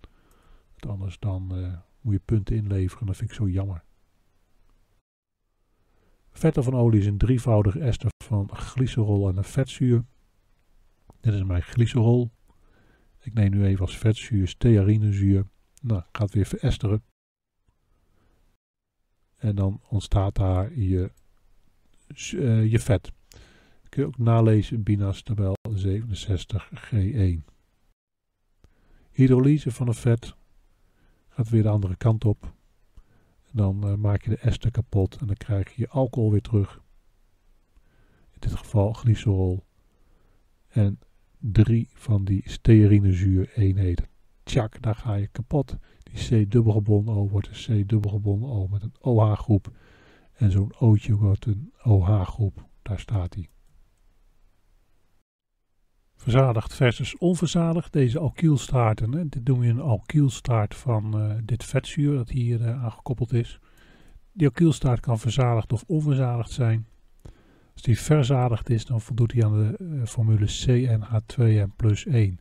Nou, deze alkylstaart is dus verzadigd, want N is 17 en 2 keer 17, 34 plus 1 is 35. Deze is onverzadigd met 17 koolstofatomen is die verzadigd met H35. Ik mis twee haakjes, dus is daar één dubbele binding. Eén dubbele binding leidt tot een uh, afname van twee haakjes in die formule. En C15H27. Nou, als die verzadigd is, is het C15H31. Je mist hier vier haakjes. Dus hier zitten twee dubbele bindingen, twee dubbele CC-bindingen in die staart. Dus totaal zit er in dit molecuul 3 C-dubbelgebonden C in die staarten. Enzym is een biologische katalysator. Door de ruimtelijke bouw van het enzym is het specifiek voor een bepaalde reactie. Dan geldt het sleutel-slotprincipe, zullen we zo een voorbeeld van zien. Doordat die ruimtelijke bouw zo geweldig belangrijk is voor een enzym, is hij ook gevoelig voor temperatuurschommelingen en pH's. Dus ook sprake van een temperatuuroptimum en een pH-optimum waaronder die enzymen kunnen werken. Hier zie je het uh, enzymoppervlak met een bepaalde vorm. Dan komt het substraat, het molecuul dat wil aanleggen erin en dat moet daarin precies passen. Nou, dit is bij mij precies. Vindt die reactie plaats bijvoorbeeld een hydrolyse en dan gaan de moleculen weer hun weegs. De chemische industrie inclusief blokschema's. In de chemische industrie is sprake van een batchproces en een continu proces. En bij een batchproces is het, wordt een reactievat eenmalig gevuld, vindt de reactie plaats en dan gaat het vat weer legen en het product eruit halen. Dat gebeurt vooral bij het maken van uh, medicijnen. Hier zie je een voorbeeld van een uh, continu proces, uh, van een, weergegeven een blokschema. Ik heb dit even uit een examen gehaald. Waar je ergens ziet staan, daar en daar. En dat is het dan. Oh, daar nog eentje. Dat zijn reactoren, daar vinden reacties plaats. Nou, je ziet hier een stofstroom van benzeen binnengaan en daarvan propeen. Dus hier vindt een reactie plaats tussen in ieder geval benzeen en propeen. En dan wordt daar cumeen gevormd. En dat gaat dan naar de tweede reactor waar het reageert met zuurstof. Je ziet hier dat hier cumeen ook doorstroomt. En hier wordt gescheiden van deze uh, stofstroom met CHP. Tenminste gedeeltelijk. Een deel van het cumeen gaat hier weer terug. En dat wordt dan gerecycled zoals je dat noemt. Even omdenken, altijd bij zo'n blokschema, wat er aan heb het echt even over atomen. Hè? Wat er aan atomen ingaat. Wat er aan, de, de, atomen in benzeen, propeen en zuurstof hier. Moeten hier als atomen in andere molecuulformules weer uitkomen. Anders zou het zich hier ergens gaan ophopen. En dan, uh, dan krijg je natuurlijk uh, dat het niet goed gaat. Dat er ergens een reactor gaat scheuren of ontploffen. Dus alles wat er aan atomen ingaat, moet er ook weer uitgaan. Alles wat er aan massa ingaat, moet er als massa ook weer uitkomen. Nou, je kunt hier echt 24 uur per dag een continue instroom en uitstroom van stoffen hebben. Stofstroom heb ik benoemde reactoren, scheidingsruimtes, koelen. Uh, afhankelijk van of een reactie endo of exotherm is. Meestal zijn reacties exotherm, dan zul je moeten koelen. Soms ook verwarmen om de reactie op gang te helpen en recycling hebben we gezien. Je zag al verschillende scheidingsruimtes eh, op zo'n blokschema. Nou, deze scheidingsmethodes komen vaak terug bij eh, blokschema's. Filtratie, filtreren gebruik je bij suspensies. Daarbij berust het verschil in deeltjesgrootte. Grote deeltjes blijven achter het filter en de kleintjes gaan er door. Nou, indampen berust op verschil in kookpunt enzovoort. Adsorptie, extractie, chromatografie en bezinken. We gaan naar de atoomeconomie en de E-factor toe. Formules vind je in deze tabellen. Eerst maar even naar de atoomeconomie. Wat wil je met de atoomeconomie? Je wil uitrekenen hoeveel procent, hoeveel massaprocent van je beginstoffen uiteindelijk terechtkomt in je eindproduct. Als je eindproduct maar één stof is en al je beginstof komt terug in het ene eindproduct, dan is je massa, je atoomeconomie 100%. Dan ga je zeer zorgvuldig om met je atomen. Maar meestal ontstaan de bijproducten. Nou, nu is dit een onschuldig bijproduct, maar je zult maar vervelende bijproducten hebben. Gaat uitrekenen, massa van het product. Kun je gewoon een molecuulmassa voornemen. Uh, van ammoniak is dus 70,03, maar ontstaan hier vier moleculen ammoniak. Dus dan neem je vier keer die massa van het ammoniakmolecuul. En de massa beginstoffen, 6 keer water en 2 keer stikstof. 6 keer water en 2 keer en 2, 2 keer stikstof. En dan vul je dat in de formule. Massa van het uh, product is dus die 68. Oh, nog even opgeschoond. Massa product dus die 68,124. En van je beginstoffen 108 en 56 maal 100%. En dan zegt jouw rekenmachine 41,5%. Dus 41,5% van de massa van deze beginstoffen komt uiteindelijk terecht in jouw ammoniak. Dan gaan we naar de E-factor toe. E-factor massa beginstof min massa opbrengstproduct gedeeld door massa opbrengstproduct. Wat zijn de massa's van mijn beginstoffen? Die zie je hier nog eh, staan, die houden we gewoon. En massa opbrengstproduct, daar moeten we even naar kijken. We hadden hier gevonden 68,124. Maar dat zou de massa zijn als deze reactie voor 100% zou verlopen en voor 100% ammoniak zou opleveren. Maar als jouw eh, rendement maar 53,8% is, nou dat is uh, dus 53,8% van deze 68. Dit zou het zijn bij 100%. Bij 53,8% krijg je hier dus 53,8% van. Zie je hier gebeuren, massa beginstoffen, die neem ik daar over en dan 53,8% van jouw 68 als massa-opbrengstproduct. En dat vul je daaronder ook in. En dan zegt jouw rekenmachine dat dat 3,48 is. Dat wil dus zeggen dat er dus uh, eh, 3,48 kilogram afval is per kilogram product. Beginstof minus opbrengstproduct, alles waarmee je begint. Minus wat je uiteindelijk uh, overhoudt als jouw, jouw daadwerkelijke product. het verschil daartussen is allemaal afval. Per massa-opbrengstproduct, per kilogram product. Dus 3,48 kilogram afval heb je hier per kilogram product. Dan kennen we nog eh, in de groene chemie een aantal uitgangspunten van groene chemie. Er zijn er 12. Ze zijn allemaal in je BINAS tabel 97f. Dit zijn de volgende zes. Nou, meestal is het zo op examens uh, dat een bepaald proces wordt beschreven. Dat je deze lijst moet nalopen om een uitspraak te doen over het bijvoorbeeld gebruik van heel nieuwbare grondstoffen bij proces 1 ten opzichte van proces 2.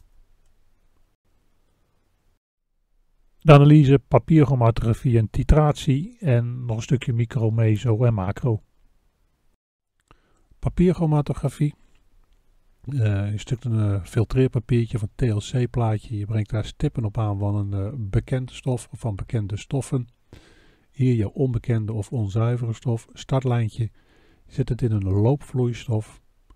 En dan trekt na enige tijd die loopvloeistof in dat papier. Of in dat TLC-plaatje. En dan zie je aan de hand van de verdeling van die stippen dat jouw onbekende mengsel hier bestaat uit een groene en een blauwe stip. De afgelegde afstand van uh, zo'n stip op zo'n plaatje is uh, afhankelijk van het aanhechten van de moleculen van die stip op het papier. Hechten ze sterk aan het papier, dan komen ze niet zo ver. Dat zou dus hier het geval kunnen zijn geweest. Maar het is ook afhankelijk van de oplosbaarheid en de loopvloeistof. Als die stip goed oplost in de loopvloeistof, wordt die ver meegenomen. Nou, zo komt er een bepaalde uh, hoogte uit voor die stip. En die kunnen we uitdrukken met een RF-waarde. Nou, voor die rode stip heb ik dat hier uitge uitgerekend. Die gaat over een afstand van 2,6 centimeter. 2,6 centimeter. Terwijl het loopfront een afstand heeft afgelegd van 6,7 centimeter. Dan is de rate of flow, de RF-waarde van die stip 0,39.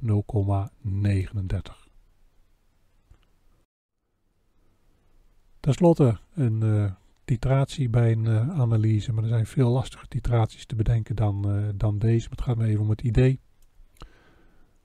Wanneer je concentratie wil weten van OH-ionen in een oplossing van natronloog, kun je dat onderzoeken door er zoutzuur aan toe te voegen en een geschikte indicator. Nou, dan blijkt er uh, 14,36 milliliter 0,104 molair zoutzuur voor nodig te zijn. En dan kan je berekenen wat de concentratie wordt van je natronloog want je kent het aantal mol toegevoegd H ionen, de concentratie ken je, het volume ken je. En dan kun je uitrekenen N is CKV het aantal mol H ionen. Dat aantal mol is gelijk aan het aantal mol OH-ionen dat heeft gereageerd. En daarmee, dat is dus gelijk, kun je de concentratie uitrekenen. Aantal mol gedeeld door die 20 milliliter vind je 7,47 keer 10 tot de min tweede molair. Ik kan nog een uh, voorbeeld geven van een uh, examen. Uit 2018, dat is een drankje. Zaken, maar ik geloof dat ik het verkeerd uitspreek. Dat bevat uh, barnsteenzuur, C4H6O4. En men wil bepalen het aantal gram barnsteenzuur per 100 milliliter van die drank. Dat wordt getitreerd met uh, natronloog, waarvan het volume van het natronloog dat gebruikt is bekend is en ook de concentratie van het natronloog is bekend.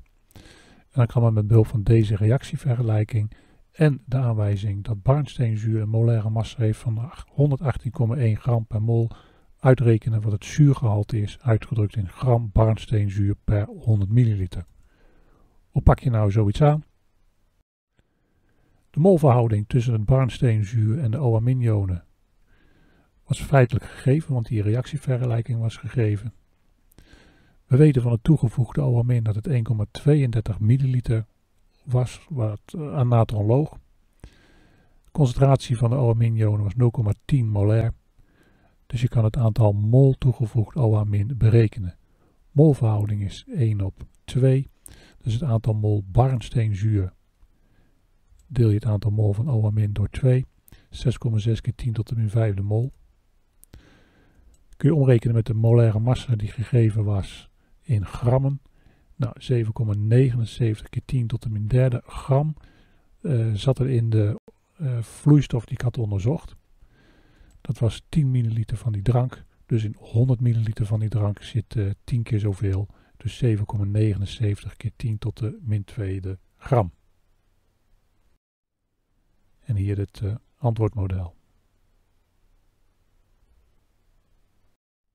Ga nog even kijken naar micro en macro. Bij macroniveau kijk je naar verschijnselen in het groot. Dan zeg je methanol lost op in water. Dan heb je dus een zekere hoeveelheid methanol dat oplost in een zekere hoeveelheid water. Water kookt bij 100 graden. Een heleboel watermoleculen bij elkaar. Dan krijg je een portie water en dat kookt bij 100 graden. Eén molecuul water kan niet koken. Op microniveau kijk je echt op moleculair niveau. Dan kijk je naar atomen, naar waterstofbruggen, dipol-dipol interacties enzovoort. Ik zei zojuist op macroniveau, methanol lost op in water. Op microniveau kun je een verklaring geven waarom methanol oplost in water. Want je ziet, en nu gaan we een, een verklaring geven, dat uh, waterstofbruggen worden gevormd tussen de OH-groepen van de methanolmoleculen en de OH-groepen van de watermoleculen. Dat is een verklaring waarop methanol oplost in water op microniveau. Je noemt echt watermoleculen, OH-groepen van watermoleculen en de OH-groepen van de methanolmoleculen. Het micro- en macro verhaal en ook wat ertussen zit, het mesoniveau, komt eigenlijk mooi aan de orde wanneer je zeepoplossingen maakt. Op macroniveau kun je zeggen zeep lost op in water. En zeep is bijvoorbeeld natriumsteraat microniveau kun je zeggen. Het ionrooster van natriumstearaat wordt afgebroken waardoor de losse natriumionen en de losse stearaationen in oplossing gaan. Je kunt ook kijken naar het molecuul, of eigenlijk naar het ion van stearaat. Het stearaation heeft hier een apolaire staart en een polaire kop. Dan zit je dus echt op microniveau te kijken naar dat zeepion. En er is wat ermee aan de hand. Want, zoals je hopelijk wel weet, kunnen die ionen micellen vormen. En zo'n micel is een cluster van die stearaationen, waarbij die apolaire staarten naar elkaar gericht zijn en die polaire koppen die steken in het water. En zo'n micel is een prachtig voorbeeld van mesoniveau. Het is een clubje van uh, in dit geval, die bij elkaar horen. Het is niet uh, macroniveau, het is ook geen microniveau. Je hebt niet één enkel molecuul, maar je hebt een zeker aantal van die ionen. En dat noem je dan het mesoniveau. Vaak wordt er uh, microniveau gevraagd op examens. Leg uit op microniveau waarom aminozuren zo goed oplossen in water. Nou, hier heb ik een aminozuur getekend. En dan zie je al een Na-groep en daar een OA-groep. Dus, dat wil wel oplossen. Dan kun je zeggen van kijk eens, die OH-groepen van watermoleculen slaan waterstofbruggen met de Na-groepen van de aminozuurmoleculen. En je mag zelfs ook nog deze C-dubbelgebonden O eh, erbij betrekken. Want ook een C-dubbelgebonden O-groep van het aminozuur kan waterstofbruggen vormen met de OH-groep van een watermolecuul.